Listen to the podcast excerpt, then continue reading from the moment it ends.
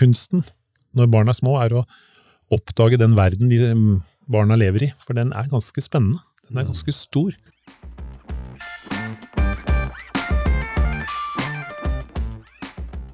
Altså Vårt Tinder-univers i dag er jo, er jo ikke et sted der troen på kjærligheten øker, den går jo bare nedover.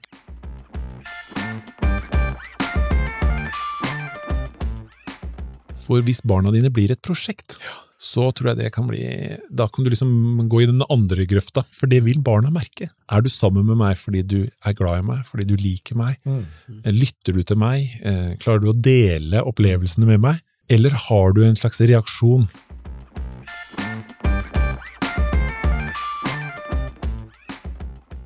Det er nok å være den som eh, har tid og ønsker å lytte, og være en håpsbærer.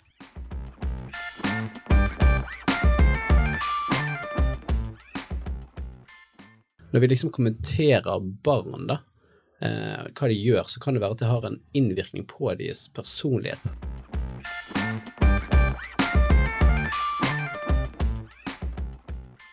For å være mann, så må du vite at du har laget ditt eh, på plass.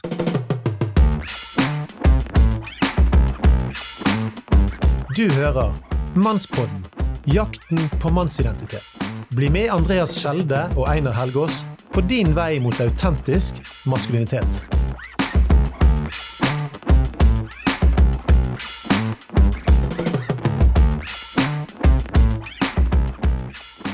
Noen menn tror kvinner vil ha penger, biler og gaver. Men den rette kvinnen vil ha en manns tid, innsats, lidenskap, ærlighet, lojalitet, smil, og at han velger å sette henne som sin prioritet. Dette sa Charles Orlando. Velkommen til Mannsboden, jakten på mannsidentitet. Du hører Andreas Skjelde, og jeg har med min showme, mannsguide Einar Helgaas. Det er blitt tjommi, vet du, for det er Bergensspalten. Det bare brer seg, i hvert fall her. Ja.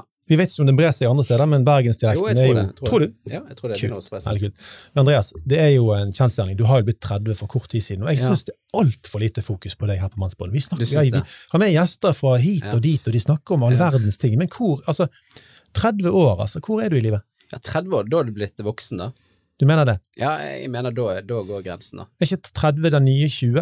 Altså, er ikke du egentlig blitt 20? Jo, men altså, jeg har ikke så mye troen på det med 20-årene, for du er 30. Du må innse realiteten, eh, og jeg tror det er noe fint med det. Det er Jeg snakket med en kompis, og alle har jo kanskje litt sånn derre Men når man blir eldre, iallfall etter 25, så begynner man å kjenne litt på ja, når jeg blir gammel, da. Kjenn på alderen. Ja, man, ja, man tror man begynner å kjenne på alderen, men, men du er jo ung, først av alt, og det er jo ingen alternativ.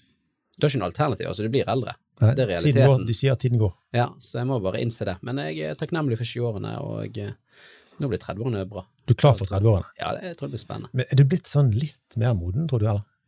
Altså, jeg tror det. Ja, Jeg kjenner det jo. ja du Jeg kjenner syns meg. du har blitt Ja. mer moden, Andreas. Det er jo litt sånn vanskelig å ta sånn selvrefleksjon nå her i poden på eh, et halvt minutt, men ja, jeg har kanskje blitt mer moden. Jeg har blitt mer moden. Ja, Nydelig. Da, da sier vi det, og så går vi videre uten å diskutere det noe mer. Men det er jo sånn at eh, vi har pleier å si at vi elsker kontakt med våre lyttere. Så bare hør hva kvinne, 48 år, skriver til oss. Hei, det er mye som kan sies om hva jeg har fått ut av Mannspodden.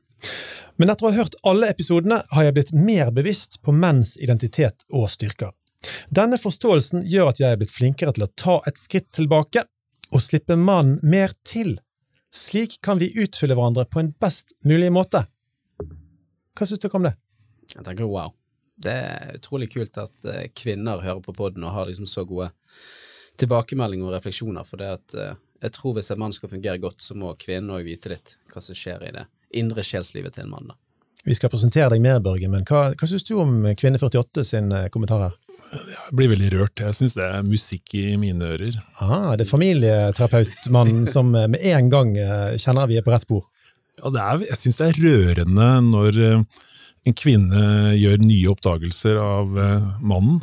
Fordi det er veldig lett å liksom kjøre seg fast i sånn rundløype at man tror man kjenner han, og så viser det seg at det er mye landskap eh, å oppdage. Så det her syns jeg var veldig oppmuntrende for dere og Ja. prosjektet Mannspodden. Ja, ja, ja. Men er ikke det viktigste å kjenne kvinnen, da? Altså, altså, Vi må kjenne hverandre, det er det som er poenget. Det har vært veldig mye fokus på hva mannen skal gjøre. Det har vært veldig sånn eh, Mannen må inn og snakke om følelser. Mannen trenger liksom å ta flere steg, og så har nok kvinnen fått lov til å slippe litt unna. Så Oh. Ja, jeg, Børge, vi, vi, må si litt om det når vi først er der. Hva mener du med det? Altså, Kvinnen har sluppet litt unna. Hva, ja, Utdyp. jeg tenker at mange menn de har et språk for kjærlighet. De har et språk for at eh, familien betyr noe, at kona er viktig. Men det språket, det er i å gjøre ting. Det er å bidra. Typisk er jo at eh, ja, jeg gjør gjerne noe, jeg, men de klarer liksom ikke å tenke ut hva de skal gjøre. De må gjerne bli litt fortalt innimellom at eh, det er sånn. Men for dem så er ikke det liksom et problem at eh, ja, men da, hvis jeg kjører dit og tar oppvasken og ordner sånn, så, så tenker de og da har de en tanke om at de har bidratt til fellesskapet. Mens for kvinnen så er det mye mer en sånn De må ha en følelse av at nå er vi sammen. Ja. Wow. De må ha, eh, ha denne følelsen inni seg på at de ikke står aleine. Og da krever det litt mer kommunikasjon. Men hun står jo altså hun står jo ikke alene hvis han fikser alt som må fikses. Men hun oppfatter, nei, altså hun tar ikke det inn allikevel skikkelig. Altså, trenger hun på en måte på kvelden sånn klokken ti når ungen har lagt seg, og så trenger hun at vi ser hverandre inn i øya og snakker sammen, og hvordan har du det, og er er vi på den emosjonelle praten, eller? Ja, det, det betyr mye mer. Ingen vei unna, altså. Nei, og det er kanskje det, det, er det mannen eh, har mye å profitere på, er at han kan ikke ta utgangspunkt i seg sjøl. Når jeg snakker med en del menn, så sier jeg du må, du må, du må glemme deg sjøl litt, og så tenke hva er det som gjelder nå, og da gjelder det å ha fokus, og så lytte og finne ut hva er det som skjer, og innstille seg litt på hva, hva som rører seg. Så, så, så lytte er en god egenskap, da. Lytting er eh, Det er en hemmelighet. En hemmelighet. Ja, det vil jeg si. Og det er, det er ikke så vanskelig, for det handler ofte om å ha tid, ville sette seg ned. Og jeg, når jeg gir tips, så sier jeg at du sier bare 'fortell mer', og lytter ut. Og da gjelder det å kvittere tilbake da, hva du har hørt. Og da kommer det gjerne mer.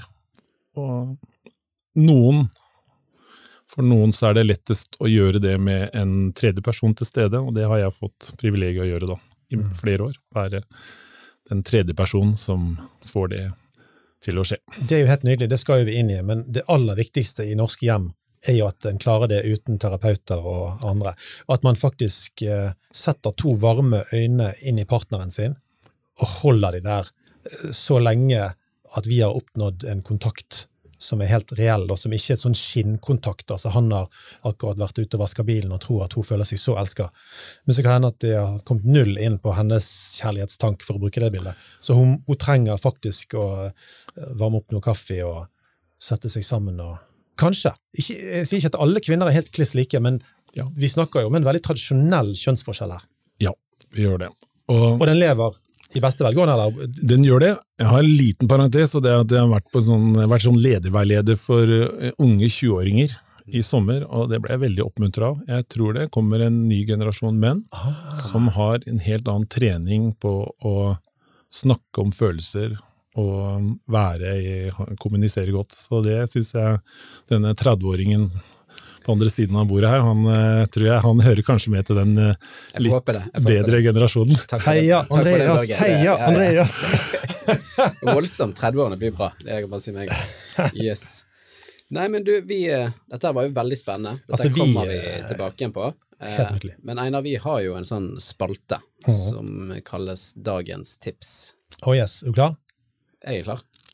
Du vet hva? Bygg en trehytte sammen med ungene dine. Det er dagens tips. Altså det som skjer da, nå, eh, I går så fikk jeg hjelp av en eh, kompis som er ingeniør. For Jeg skulle rive ei trehytte som jeg bygde for ca. 15 år siden. For den var ganske avansert. Jeg bygde som en båt oppi trærne. Eh, Jeg brukte mange måneder på å bygge den. For at ungene i gata og mine barn skulle overnatte i den og sitte og leke og kose seg og gå opp den trappa der. Jeg kan legge ut noen bilder av den på, på Mannsporngruppa vår. Men jeg gjorde én stor feil som jeg har lyst til å si til folka. Jeg ville lage en digg hytte som var trygg, og som var kul for ungene. Etter hvert så ser jeg mine gutter, som da var kanskje jeg vet ikke, syv, åtte, ni, ti år.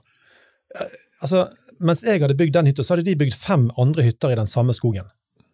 Så det som jeg skjønner nå, er at jeg burde jo hatt de med på å bygge den hytta. Altså, det var rett og slett, jeg kjenner, det, det var en gigasmell. Skulle aldri gjort det på den måten. Eh, Men den har vært til stor glede for mange barn og en barnehage ved siden av. Har jo eh, bodd eh, delvis oppi der. Så det er jeg glad for. Men, men det å gjøre noe sammen, det tenker jeg er kjempeviktig. Dette er jo bare ett eksempel. Men det er et eller annet klassisk kult med en hytte oppi trærne. altså Denne mystikken, dette spennende uh, som, eh, som skjer.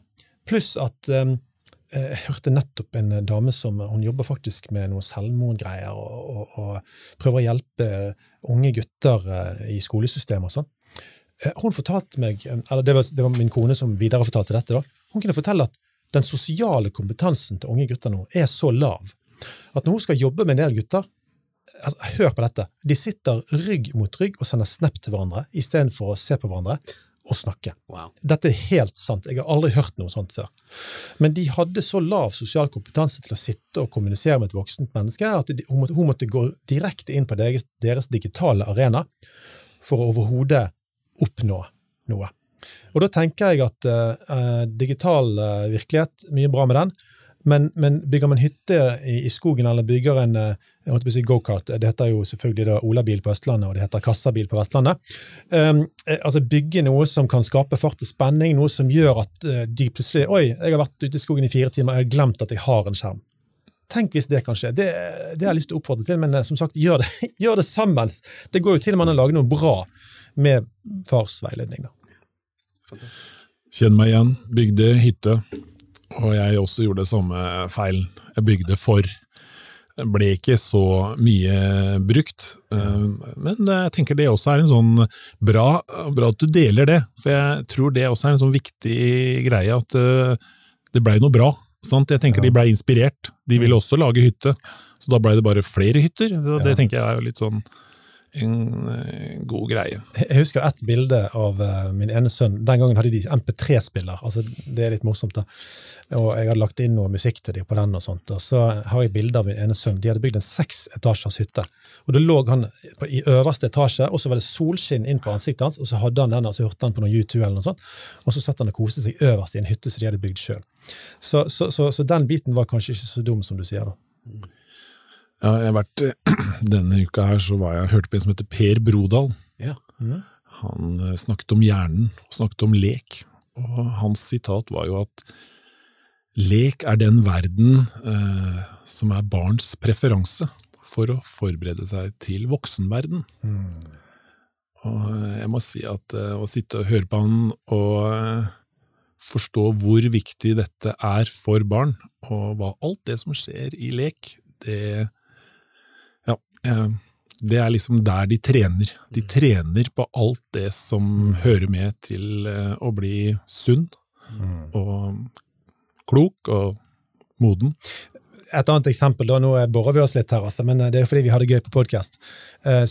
Min kone så på et TV-program, eh, jeg vet ikke hva det heter, men det var en pappa som var ute med to ganske små jenter på sånn arktisk ekspedisjon-greie. Eh, Og, og han var jo en veldig livete og gøy pappa, da, og var veldig fantasifull. Han spilte veldig på fantasi og lagde sånne dukketeater bak pulken der og opp med hodet, og de jentene satt og lo seg i hjel eh, fordi faren var morsom. sant?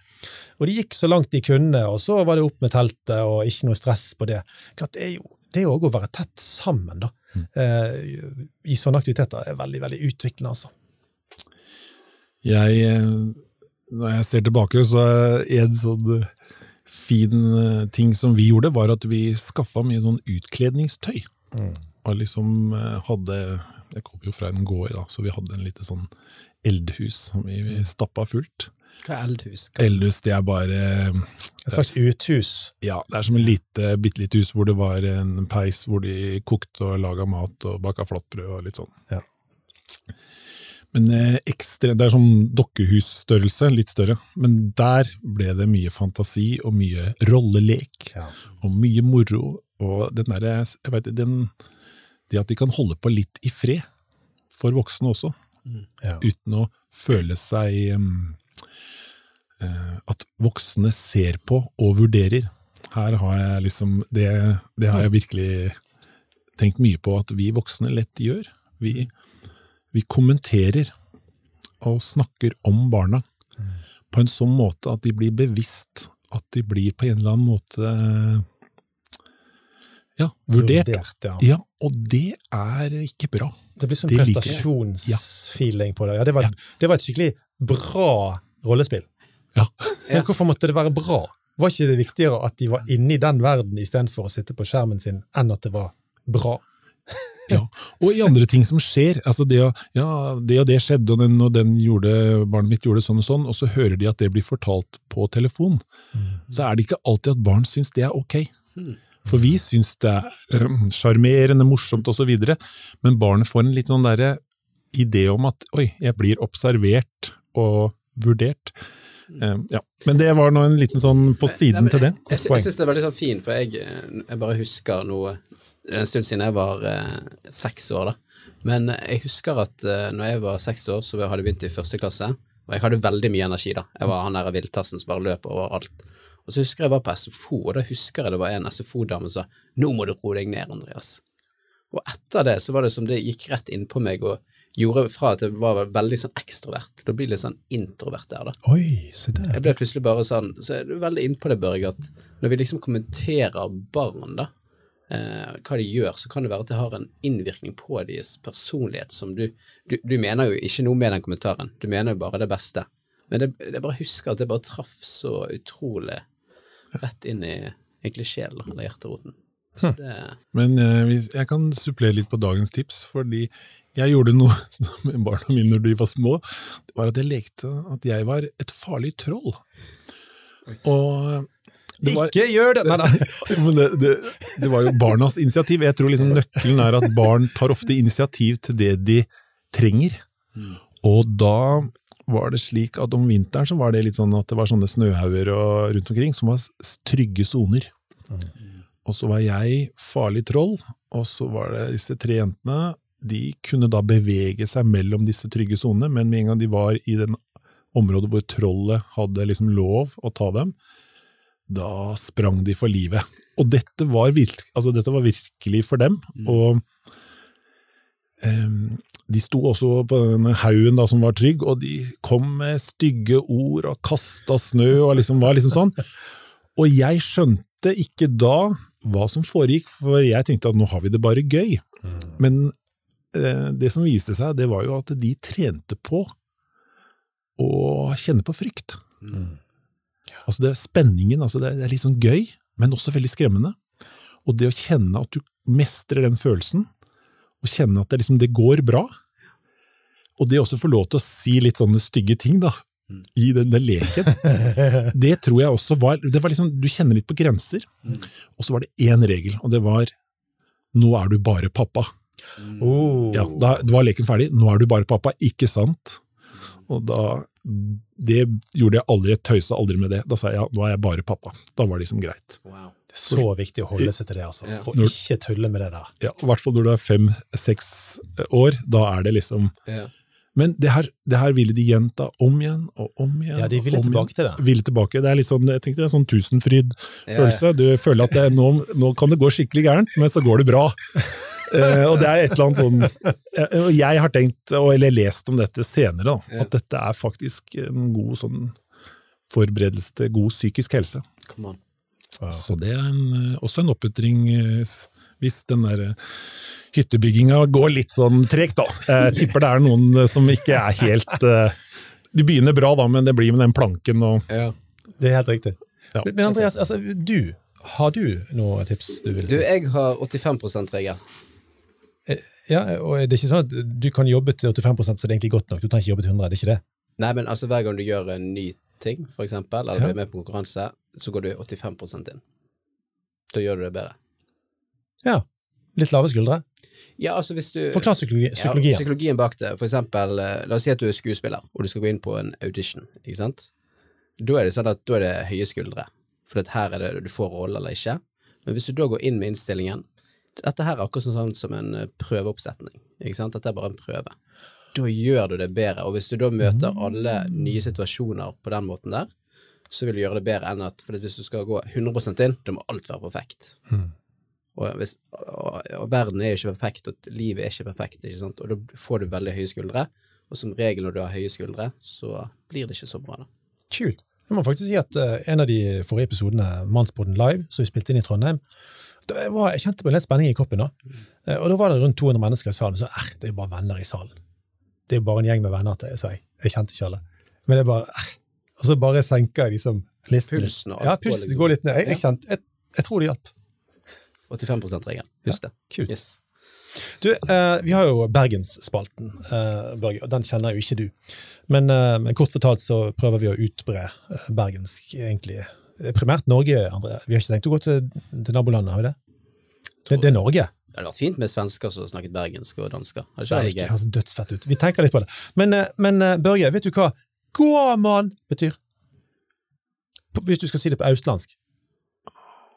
Jeg har hørt det? mange ganger, og det må Det blir flaut. Det begynner på J. Gi det, da. Jøye meg. Å ja. Det er på en måte gåmann på østlandsk. Ja, jeg har hørt det mange ganger, men jeg har aldri stilt spørsmålet. Men denne er kanskje vanskeligere. Han hin. Uh, det har jeg også hørt mange ganger. Uh, han Vi spør han hin. Han andre. Ja. Oh, kom an. Hei, sykt mye poeng. Skal vi, Hvor mange poeng gir vi han? Eh, 100. Mye poeng. Veldig bra. Yes, men du, Børge, nå har vi hørt egentlig du snakker en god del. Det er Ja. veldig fint. Men kan ikke du fortelle litt om deg sjøl? Jeg er eh, 52 år gammel, bor i Ål i Hallingdal. Ål? Ål, ja, det er Ål, det er eh, ikke bra. Det går ikke bra, Det går ikke bra. Eh, jeg har dessverre ikke hallingdialekt. Det er det vi håpte på. det. Jeg kjenner litt på ja, jeg, jeg må si det. Du var litt ute av de fagene her. Ja, og hvis dere liksom hører på Hellbillies og Stein Torleif Bjella, Ikke og? Så synger de jo med flott hallingdialekt, og er fra Ål. Så Er det, noe, er det et sår vi kan hjelpe deg med i kveld, på en måte? Eller? du, jeg kan eh, berette at eh, vi slang 10 000 kroner på bordet til døtrene våre og sa hvis dere snakker halling, så skal dere få denne premien. Wow. Funka ikke. Dessverre. Er en av de største jeg har. Det er jo penger. Det er ikke dagens tips, det her. Det, Ja, er vi, vi, vi, vi, vi, er ferdig med den spalten nå. Ja, dette er bare for å si, Hvis det er noen fra Ål som hører på, så skal jeg vite at jeg er veldig Jeg er stolt av bygda og dialekta. så- Ja. Det, det skal du ha. Men jeg er også familieterapeut. Jeg jobber i barnevernstjenesten eh, som eh, veileder. Det betyr at det er en del familier som eh, ønsker hjelp. Sier eh, det hadde vært kjekt hvis vi hadde fått hjelp, og da er jeg en av eh, seks stykker som hører til et familieteam som kommer hjem og gir mye foreldreveiledning, men eh, kanskje like mye samtaler. Både én til én og i gruppe. Snakker mye med foreldre alene, men jeg snakker hvis det er eh, to foreldre, så snakker jeg med foreldrene sammen. Og jeg er eh, blitt ganske trent på også å bringe barn inn i samtalen med foreldre. Og det syns jeg er noe veldig fint. Det betyr at jeg snakker jo med barna alene, men hvis det skal skje endringer, så er det jo nettopp med barnet i familien. Og det å gi barna en stemme, det syns jeg er veldig sånn fin måte å jobbe med endringsarbeid Så det kom litt med din alder og modning og trygghet i settingen, Ja. så plutselig så, så du at her kan vi gjøre noe kanskje som er viktig og enda bedre. Jeg har jobba 13 år i familievernet, 13 år. Wow. ja. så der har jeg snakka med mange barn og møtt eh, par, familier, du besteforeldre, Ja, besteforeldre? alt mulig. Er du en familiefikser? Eh, Jeg har eh, spurt meg selv hvorfor i all verden driver jeg med dette? og eh, I dag tidlig så lå det nesten ja, 30 cm med snø hjemme. Det er liksom det andre jeg kan like å gjøre, det er å sette meg inn i traktoren. Ja. Og så kjører jeg, og så blåser jeg denne snøen langt av gårde. Det, da er det liksom en liten sånn motsats. Da ser jeg resultat. Ja. Da er det liksom en annen side, og da kan jeg liksom tenke ok, dette er veldig fint å ha en sånn jobb òg, men, eh, Ja. men den gleden å se familie få det bra, den stikker veldig dypt hos meg og er veldig motiverende. Den overgår måking av snø? Det, måking av snø, det er sånn eh, Det gir her og nå kjempebra følelse. Kanskje en mann i deg som er ute etter litt, litt Ja. mer håndfaste resultater enn eh, Yes. deilig terapi. Ja. Og det, det er så digg med traktor òg, liksom. Å kjøre med traktor og måle snø. Ja, det, det er jeg helt enig med. Har du ikke vært mann før, så er det mandag. ja, kanskje det er det. Det handler mest om at jeg skal føle meg litt mer som mann. Ja. Ja, vi tok deg, vi tok deg. Men du, Ja. Bekkestad, hvorfor eh, gidder du å Altså, i dag er jo det en fredagskveld. Hysj da. Ja. Ja, hysj da, det er fredagskveld. Men uh, hvorfor vil du bruke tiden din på denne podkasten her på en fredagskveld, når du er i Bergen?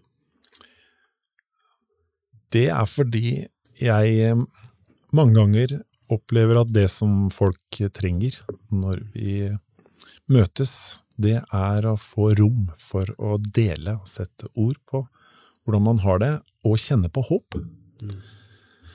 Så eh, mange ganger når jeg har liksom reflektert over hva er det som virker, så tenker jeg alltid at det er, det er nok å være den som eh, har tid og ønsker å lytte, og være en håpsbærer. Og det er litt sånn, det er ikke det jeg tenkte når jeg var ferdig utdanna. Da skulle jeg være veldig flink og fikse og gjøre det rett og lære meg alt mulig. Men jeg har en sånn oppdagelse av at eh, det er noe av det fineste som en kan eh, kanskje gi noen. Det er i et sånt møte, er å bære inn en tro på at eh, ting kan snu. Ting kan gå, komme inn på et bedre spor. Og få lov til å være den som blir invitert inn i det rommet. Mm. At folk åpner opp, forteller ting de kanskje ikke har fortalt bestevennen sin engang. Ja. Da blir jeg veldig sånn Jeg blir litt sånn ærefrykt og respekt, og også veldig sterkt. Ja, det skjønner jeg. Men er ikke det litt sånn eh, deilig òg at altså, når du er nyutdannet, så er du altså du er 25 år, kanskje, sant? Du, at du har en annen type verktøykasse med deg inn i et sånt rom nå enn du ville hatt som 25- eller 30-åring? Er ikke det en sånn god ting å gå inn der, og så vet du at og så er den usynlig, du bare har greier inni deg, du vet det er noen knapper du kan trykke på gjennom, gjennom livserfaring og sånn. Er ikke det en god følelse? Jo. Jeg, jeg har jobba i ungdomsskolen også som lærer Ja. ti år, så jeg, liksom, drømmejobben min var å bli familieterapeut. Men jeg var nettopp 25 år og ferdigutdanna. Og ja, jeg var innom barnehjem, jeg jobba på sosialkontor, gjorde mye annet. Sånn at når det, jeg flytta da tilbake til bygda fra Oslo, så oppdaga jeg at oi, her kan jeg jo jobbe som det jeg har tenkt og drømt om, nemlig familieterapeut. Det er Jeg er utdanna sosionom, men eh, når jeg da begynte med det, så kjente jeg bare en sånn veldig sånn dyp ja, At det er dette jeg har ønska å gjøre. Og så har jeg lyst til å dele at eh, det første året så eh, var jeg veldig sånn Dette må jeg fikse, jeg må bare Jeg kunne våkne tidlig, grue meg til å gå på jobb.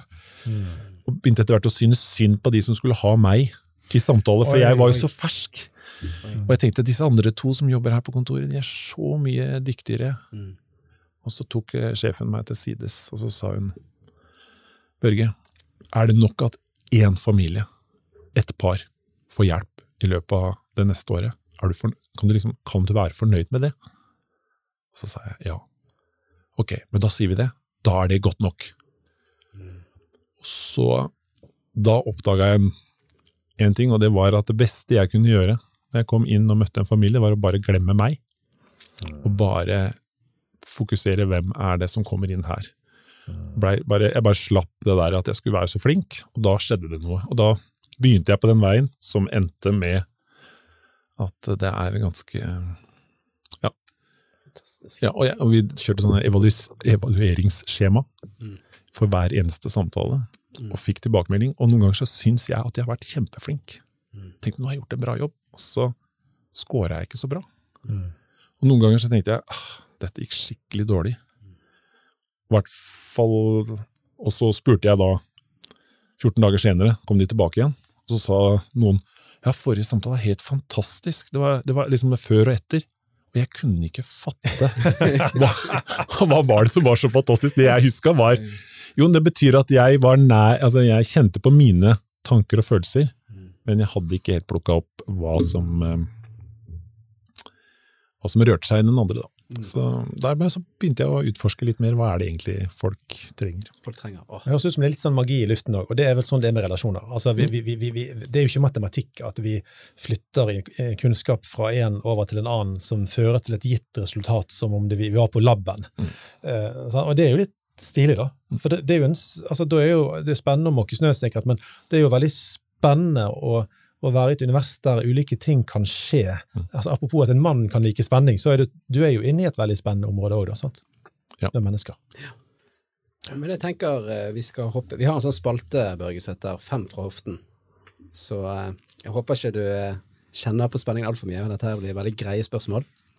Men hva er ditt forhold til Hellbillies? Det måtte jo komme da. Det måtte komme, dessverre. Jeg liker Hellbillies veldig godt. Jeg var faktisk på releasekonsert på Aker Brygge på den eh, Hva het den der eh, Plata. kafeen? Ja, den første sylspente Boots. Så jeg følte jeg var med liksom i oppstarten. Og ja, helt fra begynnelsen deres. Ja, 92-93 en gang. Ja, Ja, ja, ja, første plata deres. Og jeg spilte, nå skal vi høre en bra historie, jeg spilte på lag med Lars Håvard Haugen. Han, spilte, han er gitarist, og han var veldig god gitarist eh, på barneskolen, men han var også keeper på fotballaget. Ja. Og da het han Påsan, for han var liksom litt kraftig, og det betydde at han tok alle, han tok alle skudd som var litt sånn i armhøyde, men sendte du en markkryper på han, så var det bankers. Og jeg husker en kamp, så, så sa, sa han før kampen så sa han jeg kan spille første omgang, men andre omgang da skulle han opp og spille med broren sin. For han, Aslak Haugen, altså vokalisten, han var mye eldre. Da var han invitert til å være med på en konsert. Og jeg husker ennå da liksom, han, han spilte da Scuttle Scuttlebutton, eller et eller annet. Altså en sånn utrolig bra låt, da. Og han var bare Da var han tolv år, han spilte eh, som en Ja. Nei, men Hell- Hellbillies, det er bra. Ja. Det, Så jeg har vært på noen Hellbillies-konserter, det har jeg, og hvor mange? Eller eh, Nei, jeg, jeg har ikke vært på så mange. De pleier å ha en sånn eh, i august, så i i Hallingdal er det feriepark. Ja. Så de siste åra, så Og jeg tror, nå tror jeg det var 1800 som kom på den konserten. Det er ganske Det er svær veldig mye der oppe. Og eh, da er det stor stemning, og da er de på hjemmebane. altså det, det er liksom Hellbillies på hjemmebane. Da hører du over hele Ål. Men eh, jeg veit ikke. Jeg, det, er, en liten sånn digresjon, men når du har vært en sånn familieterapeut i bygda i mange år, så får du eh, Mange får en relasjon til deg. Ja, selvfølgelig. Og det er faktisk litt sånn terapeutens litt eh, kanskje såre bakside. Det er at du kan dukke opp på store arrangement, og så er det ikke alle som er like glad for å se deg. Oi. Fordi på familievernkontor så går du gjennom eh, skilsmisser. Mm. Og det kan være tøffe tak, og du står midt oppi det, og da Ja, det var bare en digresjon, bare for å si at eh, det Man kan faktisk få litt sånn Man er så tett på folk og sosial hele dagen at du kan få litt sånn eh, Liten sånn backlash på sånne ting. Ja, Så, du ønsker liksom å slappe av når du er på Hellbillies, og liksom eh, yes. Og ikke få blikk eller eh, Ja. fulle folk som eh, kommer tett på, og ja, Ja. sånne ting. Men eh, for dette på, vi, har, eh, vi har flere spørsmål her, Børge. For mannsbåten, Mange tror jo at mannsbåten handler om at er menn som bare lager ved, eller de går ut i skogen, hogger ned tre, og så bare mekker vi ved. da. Er du en vedmann? Ja. Åh, Jeg må bare si jeg, utrolig glad for å høre det, Børge. Ja, ja, altså, så- har, du, har du lyst til å høre det beste ut av det? Ja, du, du, må få, du må få en liten Ja, det er nemlig at eh, kona mi er også blitt Vi er blitt litt sånn team på dette her. Du er blitt en Ja, vedkvinne. ja, vet du hva, jeg har, altså, jeg har en vedmaskin hjemme. Ja, kult. Og da, altså, da er vi liksom nesten over i sånn fabrikkmodus. Ja, Så jeg har altså traktor og en tømmerhenger. Oi. Så jeg, liksom, jeg står der og lesser på med, med bjørk, og har en egen eh, maskin som fyller hengeren. Og så ja, sentralfyr i huset har jeg, med 50 cm svære kubber. Og, Oi, oi, oi. så ritualet mitt hver dag er å uh, ut, uh, trillebår og trille inn ved og fyre opp og varme huset. Så Du bruker mye tid på ved, du, jeg bruker mye tid på ved. Stor, altså, vet du, de sier at en mann kommer i vedalderen når han bikker 60, gjerne. Ja. Du er bare litt over 50. Hva er det som skjer med deg? Har du kontroll, egentlig? Ja. Du har mista kontroll. Ja, men jeg, jeg, kanskje jeg har litt sånn dobbelt forhold til det, for jeg vokste opp med det også, så jeg har brukt mange lørdager Ja.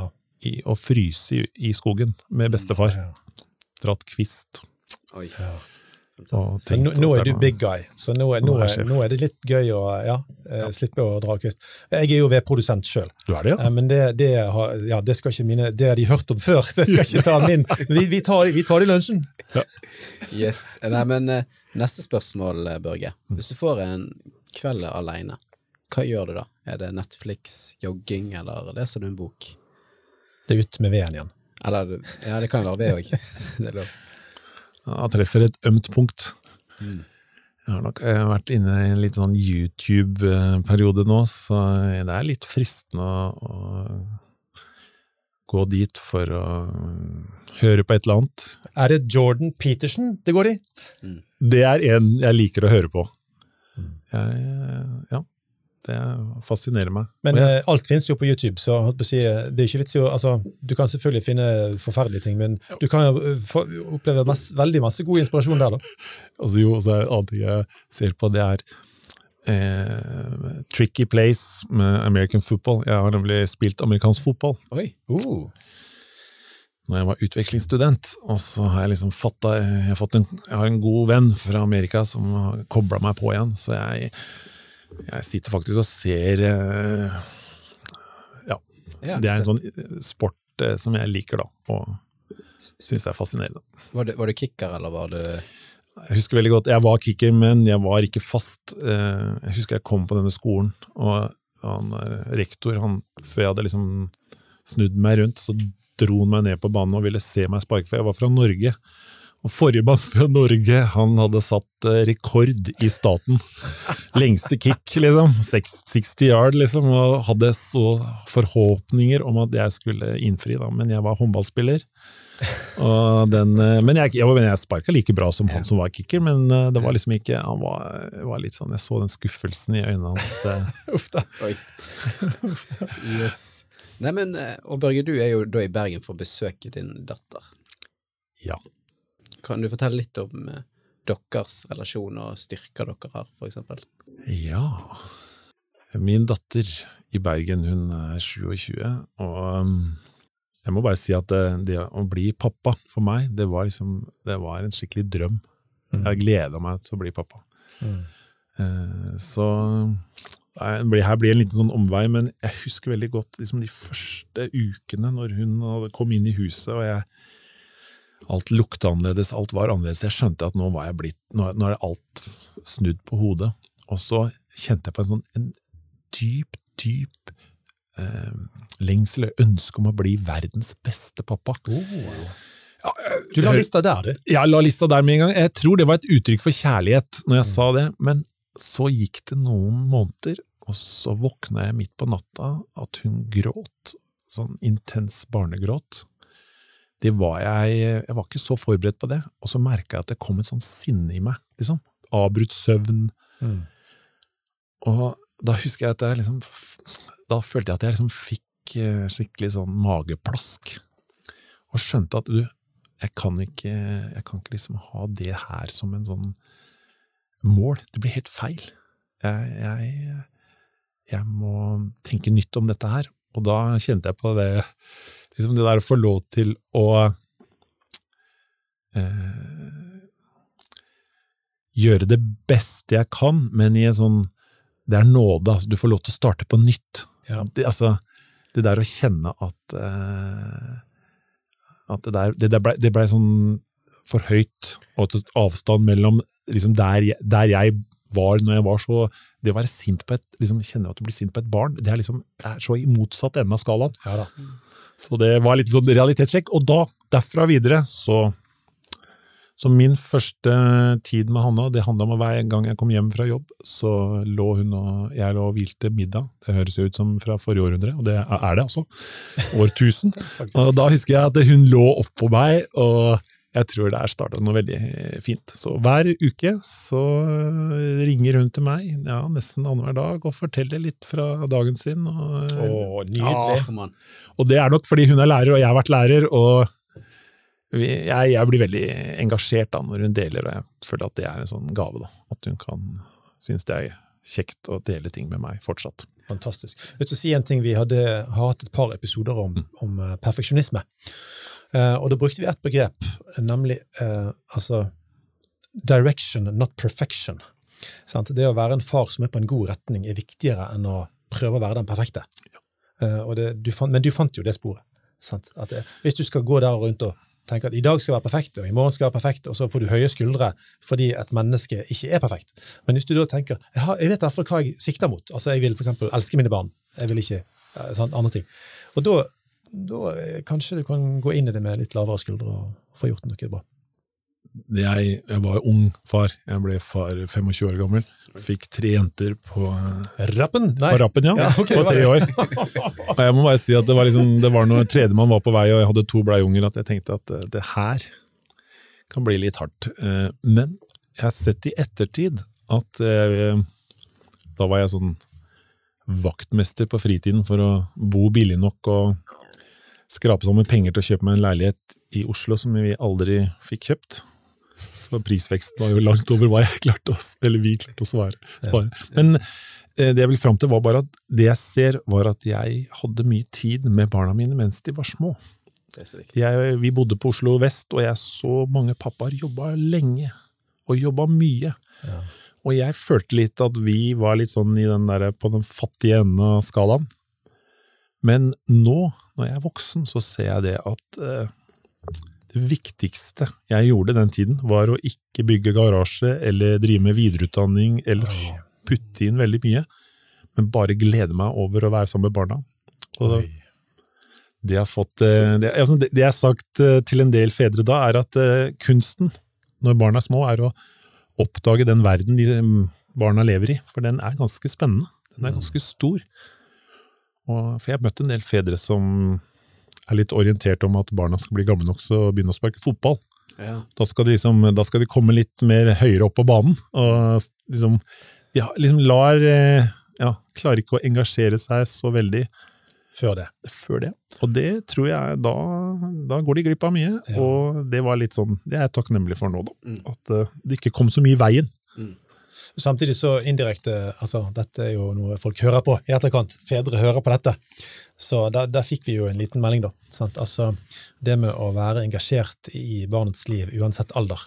Og på en eller annen måte, og, og, og, og det jeg tror er at jobben for oss og prosjekter, det er jo min utfordring, at jeg, jeg har alltid prosjekter jeg er så gira på, og de kan egentlig hele veien ta meg litt. Sånn at jeg, jeg forsvinner ut av oppmerksomheten inn på andre i, i familien min og ungene mine. da. Eh, For hva skjer i deres liv, og hvordan kan jeg engasjere meg i det? Det er et eller annet med å ikke miste, miste det. Så den, la oss, eh, Ja, Andreas, altså, vi tar den med oss Det må vi ta med, det er et inn, eh, utrolig godt til lytterne våre. tips, Børge. Eh, Og det leder oss inn litt til neste spørsmål. Hvordan går det med den norske mannen, Børge? Det har jeg lyst til å si at det er mange utgaver av den norske mannen. Klart. Eh, En, et perspektiv jeg har, er at jeg ser mange norske menn som eh, tar del i barnas liv på en annen måte. Jeg, jeg vokste opp med en far som eh, Jeg husker jeg var på fisketur én gang sammen med. Han kjørte til fotballkamp, det kan jeg huske, men han var aldri og så på en fotballkamp. Og i hvert fall ikke på en trening. Mens jeg ser eh, mange norske menn som jeg tror Jeg tror ikke det er sånn mange av dem rundt omkring i verden, i hvert fall ja, vestlig verden. Ja, det. Jeg, jeg trodde faktisk det var det du skulle si, og det, det er veldig interessant. Ja, er, altså, mitt inntrykk er at det finnes mange menn som håndterer både jobb, krev, altså, krevende jobb, men også tar mye del i barnas Mm. eh, oppvekst, gleder seg over det, har det gøy, syns det er flott. Og det er i hvert fall der jeg, bygda jeg kommer fra, så har jeg drevet som fotballtrener, jeg har vært i alpinbakken, og jeg ser mange pappaer som er gode og bruker tid med barna sine. Og, ja, så jeg, det er den ene siden. Og så ja. Jeg har også sett de eh, mennene som eh, kanskje blir for fokusert på sånne målretta ting. Og det kan handle om å bygge opp et firma, og det kan handle om å liksom gjøre suksess. Og det er klart at da må du være dedikert og overgitt, og det er klart, det er ikke gøy. Og barna blir voksne, og så kjenner du på at du har gått glipp av noe. Samtidig så vil jeg si at jeg er veldig glad for at det finnes sånne menn. Jeg er glad at det finnes en professor eller en eh, kirurg som har dedikert seg til å bli veldig god. Mm. Så jeg har bare lyst til å si at det er viktig at vi har At den norske mannen han kan se ganske forskjellig ut, for vi trenger begge deler. Vi har så vidt vært inne på dette tidligere. Dette har jeg fra John Tyson, som har skrevet en bok om, om det å oppdra sønner, særlig da. The Intentional Father. Eh, og Han har forskjellige sånne fedretyper han snakker om. Jeg vil bare nevne to akkurat nå. Og Det er den involverte faren, og han beskrev det i sted. For han kjører til fotballkamp. Altså, Jeg har en nabo som var oppmann for tre lag. Altså, hver dag ser du han gå med en eller annen eh, svær nett med fotball sammen med en kid raskt opp en bakke for å komme seg bort til bilen og rekke den treningen. Eh, og, og, det tror jeg ikke er uvanlig. Han har en dugnadsånd av de sjeldne. da. Eh, og man skal ikke forvente seg selv at man tar tre lag. Uh, men, men uh, det tror jeg er helt riktig. At den si, moderne norske mannen som har barn da, i oppvekst, den er annerledes enn generasjonen før. Uh, og du kan jo bare tenke deg hvor mange bilturer du får med ungene. sant? Så nå du skal av gårde til, til, Sotra, eller du skal til et eller annet til Strømmen eller et eller annet sted i landet, uh, og, og, på kamp. sant? Og hvor mye tid du har til å høre på hverandres musikk, eller snakke om hvordan det gikk, og snakke om hvordan man har det. Hvis, hvis, man tar seg tid til det. da. og det er helt nydelig. Og så, og så, har du da de intensjonelle fedrene, som òg har et klart mål foran seg på at når ungen min flytter ut som 18-åring, så vil jeg at den skal eh, være ærlig, den skal være åpen, den skal være modig, den skal, skal kunne husarbeid skal, altså Forstår du meg? Til og med kanskje vedarbeid. Altså, du liksom vet hva karakterbygging du ser for deg. da. Eh, og det legger til en slags ny ring rundt det hele. da. Eh, hva tenker du om det? Altså Steget fra å være du er involvert, og det er kjempepositivt. Det er jo mm. bare positivt. Men så har du da et, eh, et nivå til, som John Tyson beskriver. For han, eh, siden boken heter The Intentional Father, så sier det seg selv at han eh, modellerer for menn i, i, i verden at du, du, må sikte ut det òg. Ja, det er, jeg har ikke du har ikke lest den? Jeg har ikke lest det, og jeg, det jeg liker, det er å reflektere, at du har et sånn bevisst forhold. Sånn hvis du er intentional, så tenker jeg da har du i hvert fall tenkt noen tanker om at uh, du vil en vei, og, og, da har du kanskje også satt deg inn og fått kunnskap om en del. Altså, jeg tenker for eksempel det å, det å bare ha barn, altså sånn å være veldig snill og grei, og hjelpe de hele tiden. Det er liksom, tenker jeg, nei, ikke gjør det. Mm. Ikke ta fra barn muligheten til å liksom få selvtillit eller prøve å Men jeg er litt opptatt av at barn signaliserer dette egentlig ganske sånn tidlig selv. Ja. Hvis du har litt antenner. Jeg husker den mellomste vår som bare løfta henne over et gjerde, vi skulle liksom fort av gårde i bilen, og jeg ville liksom komme av gårde. Hun blei rasende. Oh, ja. Nei, hun ville ikke, hun var tre og et halvt år, og hun klatra tilbake igjen, så på meg og liksom jeg skal klare sjøl å klatre tilba liksom, tilbake igjen. Og da skjønte jeg at her har jeg et valg. Jeg kan, ja. mm. jeg kan liksom være stå i det med henne og liksom si flott, og drite i at jeg kommer eh, fem minutter for seint, mm. fordi de bygger noe viktig. Mm. Så, men sånn at jeg tror at det, er, det, kan være noe veldig klokt, men jeg tror det som er viktig, da, det er at du samtidig har litt avstand til det. Mm. For hvis barna dine blir et prosjekt, ja så tror jeg det kan bli Da kan du liksom gå i den andre grøfta, for det vil barna merke. Mm. Er du sammen med meg fordi du er glad i meg, fordi du liker meg? Mm. Lytter du til meg? Eh, klarer du å dele opplevelsene med meg? Mm. Eller har du en slags reaksjon? Altså, altså, igjen dette med at nå er jeg fornøyd, nå gjør du det jeg ønsker at du skal gjøre, fordi jeg har tenkt at du skal bli. Ja. Og det, det, er litt av den derre Med en gang du har den tanken, så kommer det noe mellom. Uten at du ser det, så merker barna det. Og det, ja, det tror jeg blir, kan bli en sånn bismak som utvikler seg til noe. Ja. Og, og, Børge, du har jo hatt en datter eh, på landslaget i alpin. Ja. Kan du fortelle litt mer om det, og om dette var et prosjekt for deg, eller hvordan det var? Eh... Nå, nå, får du det tilbake ja, nå... i fanget her, altså! Nå skal du svare for deg! Ja, vet du hva, jeg skal, Vi må pro prosentdele det her litt. Jeg må okay. si at uh, det var det ble, altså det, En periode så var det litt sånn prosjekt. Jeg tror jeg prøvde å overbevise meg selv om at det ikke var det, men oh, ja. heldigvis hadde jeg en datter som ikke hadde problemer med å fortelle pappaen sin om når det begynte å ligne på det. Oi.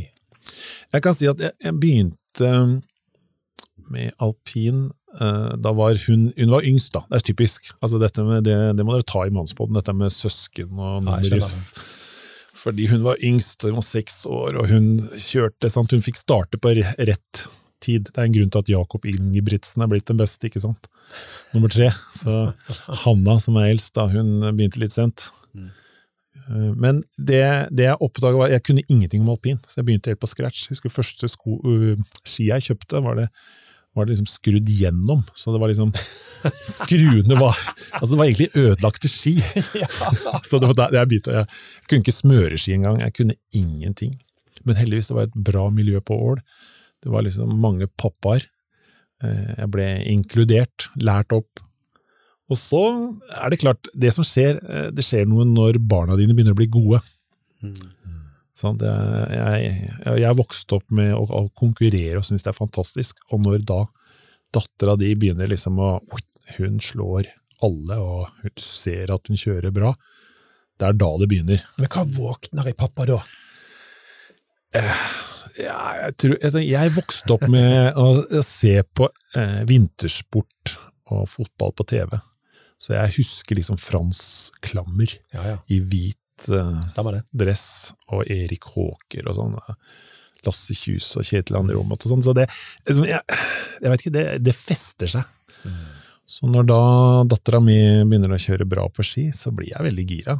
Og så kjenner jeg også på at eh, apropos det derre når barn er små, så er det, liksom, da er verden litt liten.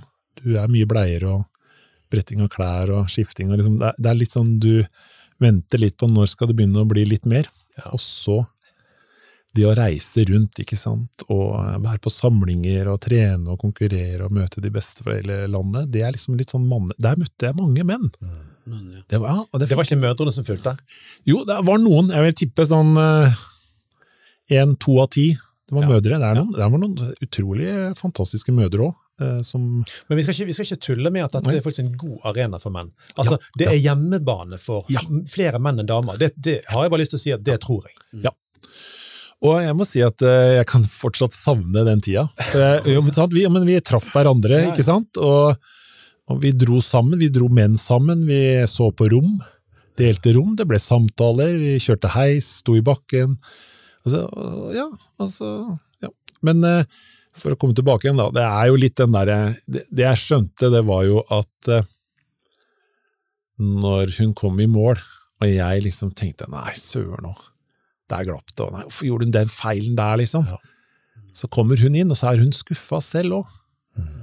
Og hva trenger eh, sønnen Ja. din eller dattera di når du kommer i mål og er skuffa? Jo, det trenger bare akkurat det blikket der som du viser meg nå. Litt sånn, litt sånn øya litt på, eh, hodet litt på skakk, og oi, nå var du skuffa, og liksom ikke si noe mer, bare ta imot, ikke sant. Rom den følelsen. Empati. Men pappa, vet du, han gikk bort.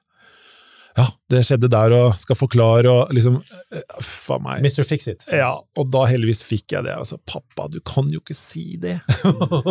Ja, ja, men igjen, jeg tenker egentlig det, det, Hemmeligheten her er jo at barna kan faktisk oppdras litt som foreldre. De, de sender signaler hvis vi tar dem. Og da, hvis pappa, i hvert fall hvis han er familieterapeut, hører godt etter, så skjønner han at nå ja. Men nå eh, Bra. jeg, jeg, jeg, jeg har bare lyst til å si at det, det, det, jeg følte at en sånn turning point var på en sånn utenlandskonkurranse hun var med på. Jeg var i Slovenia, og så var det jo en, det var en hel gjeng, gutter og jenter. Hun var 14, 13-14. Da var det en pappa som kom ned, og liksom han fulgte sønnen sin eh, liksom hele veien ned. De som var trenere da, de sa at foreldrene måtte ligge på et annet hotell. De ville liksom skape den avstanden, ikke sant. Oi. Da husker jeg denne far, ene faren han fulgte sønnen, han var kjempegod, han har vunnet alt. Men han fortalte du må huske det, du må huske det, du må huske det. Og denne gutten han gjorde sitt dårligste løp gjennom hele vinteren. Mens Kristiane hun eh, sa til meg når hun var der nede, sa jeg har tenkt på det, pappa. Jeg tror det eneste du kan gjøre er å si til meg lykke til. Og det kalles eh, klar melding. Ja, ja. Helt fantastisk. Ja, det var helt fantastisk, og da smilte jeg, og da satt, husker jeg at jeg satt nede i målområdet, og var skodde, og jeg så nesten ingenting, men jeg satt der nede og ventet på henne, og hun, hun gjorde det veldig bra, hun ble nummer, ja, var det, fem? Mm. Det var kjempegøy, eh, men det, det var liksom den kloke refleksjonen. sånn, Du får, du får ønske meg lykke til. Da hadde hun liksom observert litt ivrige foreldre. Da. Så ja. Men, men Børge, jeg syns vi bør egentlig dvele litt med dette her, da. For dette her eh, Vi hører liksom at det, det er en del mødre som er på disse konkurransene, men flesteparten er jo menn. Er det på en måte en måte fedre viser kjærlighet på? Fordi at kanskje ikke fedre er like flinke på liksom samtaler og sånne ting, men ting eller gjøre aktiviteter sammen. Vi hadde jo òg en undersøkelse i, i Facebook-gruppen vår der det var vel 82% av eh, de likte, og hvis de var med venner, så ville de gjøre aktiviteter sammen.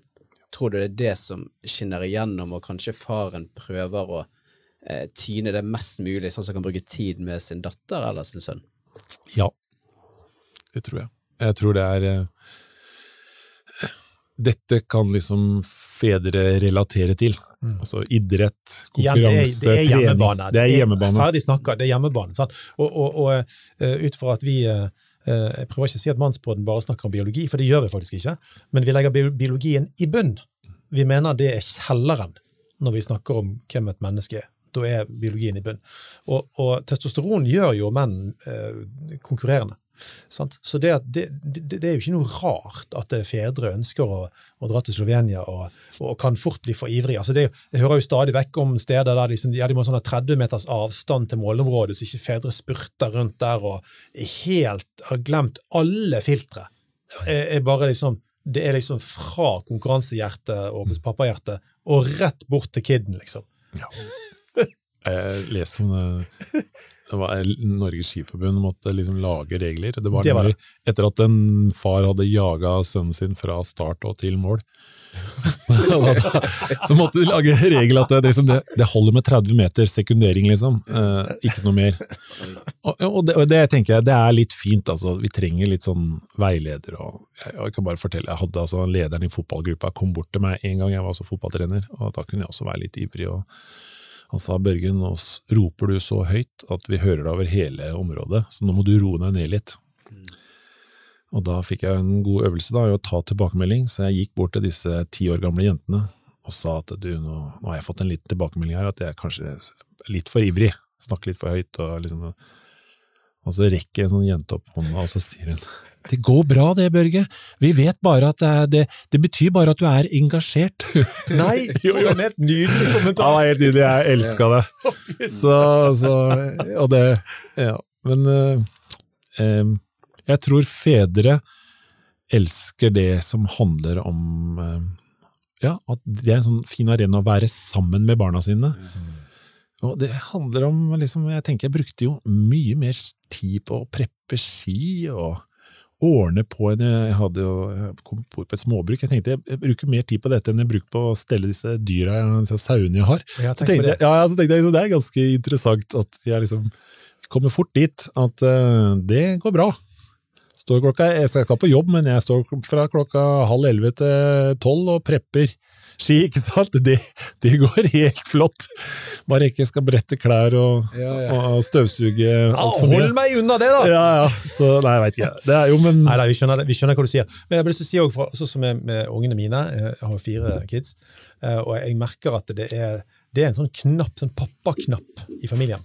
Eh, Og særlig, særlig kanskje to av ungene. Med en gang det er snakk om en eller annen pappating, noe som skal fikses, vi må, nå må vi gjøre det, nå skal vi kjøre bil sammen og lære å kjøre, eller sånn, så kommer de bort til meg og veldig sånn superintensjonelt og ser meg rett i øynene. Dette må vi gjøre, pappa. Eh, og, og jeg har jo en kone som er jo helt klart familiens eh, stjernekjælesørger. Jeg òg er inne på det feltet, men hun blir brukt mer som kjælesørger. Men jeg blir virkelig brukt mer da på disse fysiske tingene, reparasjonene, det som har med bil å gjøre, og en del sånne for å si det rett ut, det klassiske manneting. Men jeg syns det er vakkert. Jeg, jeg synes det er helt nydelig. For min kone har ikke tenkt å lære ungene mine til, opp, til, opp til å skifte vinterdekk, men det gjør jeg. fantastisk. Det, Men, men hva tror dere skjer når uh, samfunnet vårt nå på en måte ønsker å utjevne kanskje disse her uh, kjønnsforskjellene? Hva er det som skjer da med fedre og jeg er litt spent på det. Ja. Uh, jeg, tror, jeg tror det er litt sånn kulturelt litt forskjellig rundt omkring i landet. Jeg tror nok at eh, På bygda. På bygda så er det fortsatt Det, det gjelder maskiner og snøscootere og UTV-er. Det er det de kjører nå, disse 16 Heter det UTV? Ja, er det? er han, eh, ATV, ikke? ja, men det er enda flottere enn det. For det, er liksom, det ser ut som sånne minibiler med ATV-look. Ja. Sitter de to og to sammen, og jenter og gutter og spinner rundt. Det er jo det er mer penger i omløp, så da har de råd til det, flere. Så det er sånn eh, Jeg, jeg litt sånn instinktivt her nå, så sier jeg jeg syns det er et tapsprosjekt. Hvis eh, denne utjevningen av kjønn fører til at vi går rundt og tror faktisk, da, at vi faktisk tror at mann og kvinne skal bidra med de sørens samme tingene inn i en familie. Det frarøver kvinnen å gå inn med noe som hun signerer inn som 'dette gir jeg inn som kvinne'. Og kvinner er forskjellige. Så de, de vil liksom ligge i en eller annen skala og, og, og bidra litt forskjellig. Og det samme med menn. sant? Så det, det er et eller annet eh, denne utfyllingen som jeg er så opptatt av. Sant? Jeg sier jo det at jeg er mer opptatt av utfylling enn likestilling. Mm. Likestilling trenger vi, det, det er helt klart, men, men jeg syns vi skal bruke mer tid på utfylling. Og utfylling er jo nettopp det at man kan signere inn eh, noen sånne eh, turer til Slovenia og eh, vedgreier og ATV-fiksing og, og reparering av alle mulige ting og osv. Og, så videre. og det, det er noe sånn sant maskulint over det. Det betyr selvfølgelig ikke at en kvinne ikke kan få lov til å reparere en ATV hvis du har fryktelig lyst til det og er interessert i det. Men de fleste kvinner er ikke interessert i å fikse en ATV som eh, har konka ned i ei grøft eh, oppi Åla eller et eller annet sted. Det, stort, det blir stort sett en mann som må fikse den ATV-en og dra den opp med en traktor eller et eller annet. Og hva er problemet med det? Det er overhodet ingen problem med det. Det er helt nydelig at den mannen kan få gjøre det, for da kan han få vise den nydelige, litt mer håndfaste pappakjærligheten som han har i. Ja, Men mannens utfordring da er at når menn blir veldig sånn fokusert, så zoomer de helt ut og zoomer helt inn. Og da kan de ende opp i sin egen verden. Og det tror jeg liksom, det er dette på sånne samlivskurs som jeg holder, og møter med foreldre, så sier jeg det, det, det du, må, du må inn på det sporet som handler om at uh, vi er på lag. Og det å sette seg ned og spørre kona mens du er ute på disse treningene og samlingene, og liksom ta en fot i bakken og si du, åssen er liksom, er det her i familien vår AS? Hvordan har du det? Hvordan er det å være deg?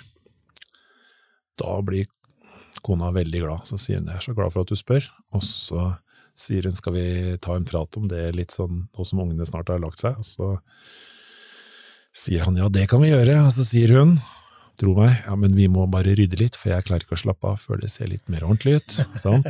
Og så sier du ja, men det blir jeg med på, og så er det en halvtime rydding, og så setter man seg ned, og så må man spørre du, føler du at dette er, liksom, er vi sammen om dette? Det er veldig hektisk, og, sant? og da, det, det her er liksom nøkkelen, tror jeg, for suksess. For å være mann, så må du vite at du har laget ditt eh, på plass. Oi, så fint sagt. Ja, det er faktisk det. Og det, når en mann tar ansvar for den praten, ja, da er det riktig. Det er akkurat det. Da skjer det magiske ting, fordi da føler man seg veldig sett. Og så er det, det er ikke bare for å gjøre det, men fordi man mener det. Og det må jeg si at det er min Ja, det kan være de første gangene Mm. så gjør du det fordi at det, du vet at det er fornuftig, Mm. men du har ikke liksom hele apparatet ditt med på det. Men så, etter hvert som du merker at 'å, hjelpe meg, dette fungerte jo så bra for vårt forhold', Mm. så kan det hende du vokser deg mer og mer inn i det. La oss si at ikke du var der fra start. sant? Mm. Så kan du vokse mer og mer inn i det. Jeg syns det er helt greit å gjøre det kanskje de første gangene uten at du liksom du har skjønt at det er lurt. Eh, og, og, så, men så bare 'hallo, jeg har vært gift i 25 år', jeg vet ikke hvor mange, hvor mange år har du vært gift? 30 år i slutten av dette året. Nettopp. sant? Og det er et eller annet med at da, da er ikke dette lenger noen nyhet. At, eh, at en, en god prat med kona, der begge kan få si hvordan, hvor er vi henne, sant? eh, som du sier, det, det, det er Og jeg tenker det er Ja, det er Du kan gi veldig mange triks til par, men, men, men er du, får du til akkurat denne, så er nok det et nøkkelpunkt. Er ikke det du også Jo, det er det jeg sier. Også, og grunnen til dette er at jeg kjente i mitt eget liv og andres liv, det er at menn vi kan ofte gå for anerkjennelse. Og da blir det en sånn styrke, men også en svakhet. Det er ofte det, sant? det som er din styrke, blir også en svakhet. Og så være oppmann til tre lag. Sant? Han pappaen ville jeg gjerne prata litt med, fordi eh, det, det er litt den derre Du trenger å score litt på hjemmebane òg. Og jeg husker jo tidlig i samlivet mitt at jeg var sånn som spratt opp og, eh, som vaktmester, og jeg var livredd for at ikke folk skulle være fornøyd med meg. Ja, Godt poeng, du. Og da fikk jeg høre det heldigvis fra min kloke kone. Og da tok vi den praten, og jeg fikk liksom tak i hva handler dette om? Jo, dette Ja. er ting jeg har lært hjemme. Det var sånn min far Ja, han, For han var det viktig å stille opp der ute. Det gikk i arv. Det gikk i arv, og da fikk jeg dette valget. Da vil jeg la dette Skal dette bli vår familiekultur? Skal jeg liksom Og da måtte jeg begynne å trene. Nettopp. Og være vennlig og hyggelig og si ja, jeg kan se på det, men eh, det blir ikke før etter middag vi har lagt ungene. Første gangen jeg gjorde det, så hørte jeg liksom det, det, det skar seg inni meg. Jeg tenkte dette er helt feil, men jeg var helt overbevist. Det, er- det, det er riktig. Og da var det litt trening, så var vi, var vi på gang. Og han oppmannen, som har tre lag, liksom Hvis han snakker med kona sier, kona sier du, det var helt greit med første, og jeg rynka litt på nesa på andre, men hvorfor tok du på deg tredje uten å snakke med meg? Ja. Da mista han laget. Det er der han mista liksom, Hun var med, men da falt hun av. Men nå, Børge, nå skal du få høre Ja. at den mannen Ja. går på tur med kona si hver dag. åh, Det er faktisk sånn at uh, jeg hørte de fortelle at uh, Ja. det er noen unger i gata som liksom Og der kommer de igjen! Sant? For de er faktisk helt fantastiske på, på gå, gå tur sammen, og jeg eh, tror de snakker sammen. Så, så eh, ja, jeg ville bare gi han den. Og da er vi litt tilbake igjen til sånn forskning. da. Disse parene som holder sammen, de har sånne hverdagsritual, hvor de kobler seg opp. og han, har- De har oppdaga to ting. Sånn ut, lufte seg, bevege seg litt. Så får de den praten de trenger for å få den teamfølelsen. Det er riktig, det. Så det er en sånn nøkkel. og Jeg satt på tra i traktoren min og Nå er jeg så spent, altså. Ja, det, det, du, vet når du vender du, du, du, du. Oppi ålen der, Ja, når du bonde, ikke sant, så slår du gress, og så skal du tørke det, og så vender du det. På halling så sier vi å K. Oh. Da satt jeg med sånne eh, klokker som vi har nå, med radio og sånn, og så hørte jeg at det var gjort en metastudie i Stavanger. Det viser at de har studert eh, forskning eh, rundt omkring i mange, mange land, for å lete etter liksom, hva slags indikatorer har du for at du har et samliv, familieliv, som varer. Og det som eh, skilte seg mest ut, det er ganske interessant, jo, de familiene som spiser middag sammen. Stemmer det. Yes. Altså, da satt jeg og tenkte liksom, ja, for hva forteller vi hverandre når vi sitter rundt et bord og har tid til å spise sammen? Altså, middag, det var, egentlig var det ett måltid hver dag. Ja. Og da, da tenkte jeg jo, jeg hadde akkurat fått besøk fra USA. Der vil jeg si det er bare én av fem familier som spiser sammen. De fleste tar maten sin og setter seg foran PC-en. Én av fem, sa du. yes, det er, altså, Det det er er jo vanvittig lite. vanvittig lite, og vi er litt på vei dit. Bare lyst til å si at Ja. skal du være skikkelig mann i familien nå, så må du, du må ta tak i dette her, så ikke vi kobler oss på for mye digitale ting og skjermer sånn. Det er, det er helt ok å ha det, og ha det som en del, men vi kan ikke eh, la det stjele for mye. Et eller annet når du kommer hjem, sant, og så sier en eller annen forelder fra en eller annen skjerm i et hjørne ja, det står, det står noe middag i kjøleskapet. Og så skal du gå og varme den i mikroen, skal du sitte alene foran din skjerm, mens foreldrene sitter med sin skjerm. Det er rett og slett, Hvis det er dagen, da, hvis det ikke er et annet måltid, hvis ikke frokosten er sammen, den er jo ofte veldig hektisk og får Ja. ikke snakket så mye. Alle skal jo bare kjapt og komme seg ut. sant? Ja. Eh, Lykke til hvis noen klarer å få det til. Så ja, gratulerer, mente jeg. Eh, Men, men, men eh, det er jo et eller annet Ja, la oss sende ut en advarsel ut gjennom denne podkasten her i dag om at har du mista det ene måltidet, så, så, så så, da skal du være observant altså, på, på hva som foregår. Og, å For å få denne middagen til å bli bra, så ikke, ikke spør bare sånn, hvordan var dagen, eller hadde du en bra dag? Det er sånn ja, og nei, ikke sant? Det er mye mer å liksom fortelle, fortelle, opplevde du noe fint i dag? Var du glad? Sant? Få barn til å prate er ikke så lett. Ja. Eller begynn selv. Har dere lyst til å høre noe spennende fra dagen min? Ah, så begynner pappa å fortelle. Mens vi spiser. Da har vi, liksom, da har vi modellert eh, hvordan det kan være trivelig å være sammen. Jeg tror det er, som, det er en sånn veldig nøkkel at barn får sånne jevnlige opplevelser at uh, vi er en flokk, vi hører sammen, Ja. eh, pappa er glad for å se mamma. Husker du noe? han kysser, da. Ja, vet du hva? Det er, det er ikke noe tull det, at Nei, når du kommer hjem, så går du rett bort til kona, og så gir du henne en skikkelig klem, eller et kyss, eller Ja, ja. sier noe godt. Da Godt å se deg. jeg husker hun eh, Jolie, hun som var sånn korrupsjonsjeger. Ja. Leste boka hennes, fantastisk spennende bok, hvordan hun tok ned disse mektige våpen- og oljefolka i Frankrike. Og så spurte de henne hva fikk deg til å våge dette? Liksom, hvor henter du motet fra? Og da sa hun det var jeg hadde en mor og en far som elsket hverandre og var glad i hverandre. Oi. Og det var hennes referanse for å si det er derfor jeg har våget og tørt. Nå kan jo det bli litt sånn noen sier oi, da er ikke jeg god nok, og sånn. men jeg har bare lyst til å si det er en kraft i, for foreldre å eh, vise barna at de har omtanke for hverandre. Det, det, er, det skaper god flokk. Og så det, blikk, det blikket til ungene der de skjønner at de må bare komme seg ned på rommet, fordi det er rett og slett en utrolig stor klem. Ja. Eller, jeg veit at når barna var små, så laga vi sandwich. Har, har dere gjort det hjemme hos dere? Ja, altså Det blir ostesmørbrød i så fall, altså. Ja, ok. Eh, Ostesmørbrød, altså løfte barna opp, og så klemme de ja, det var, nå, snakker vi forbi hverandre. Ja, det tror jeg. Det gjorde vi. Men, Men altså, nå, jeg, nå er jeg inne på det med barna og du er familieterapeut, så du, ja, ja. du rydder opp her nå. Ja, jeg rydder opp. Ok, vi er, vi er i tema. Middag er bra for å liksom fortelle hverandre at vi hører sammen. Men å ta barna, løfte de opp og si nå skal vi ha sandwich, og så klemme med barna mellom foreldrene. Ah, Ja, jeg har bare lyst til å si, Vi er kroppslige, vet du. Så det å liksom få den gode følelsen, mamma og pappa er glad i hverandre, og jeg er i midten og sånne ting, det, det gjorde vi mye av. Og det tror jeg funka. det, for oss så skjedde det veldig sånn instinktivt, egentlig. For vi, Ja. vi har en klemmekultur hjemme hos oss, hadde det med hele gjengen. Altså, vi, har, vi har jo klemt mer de barna som elsker klem, enn de som ikke likte det så godt. Altså, Man må jo lese ungene sine.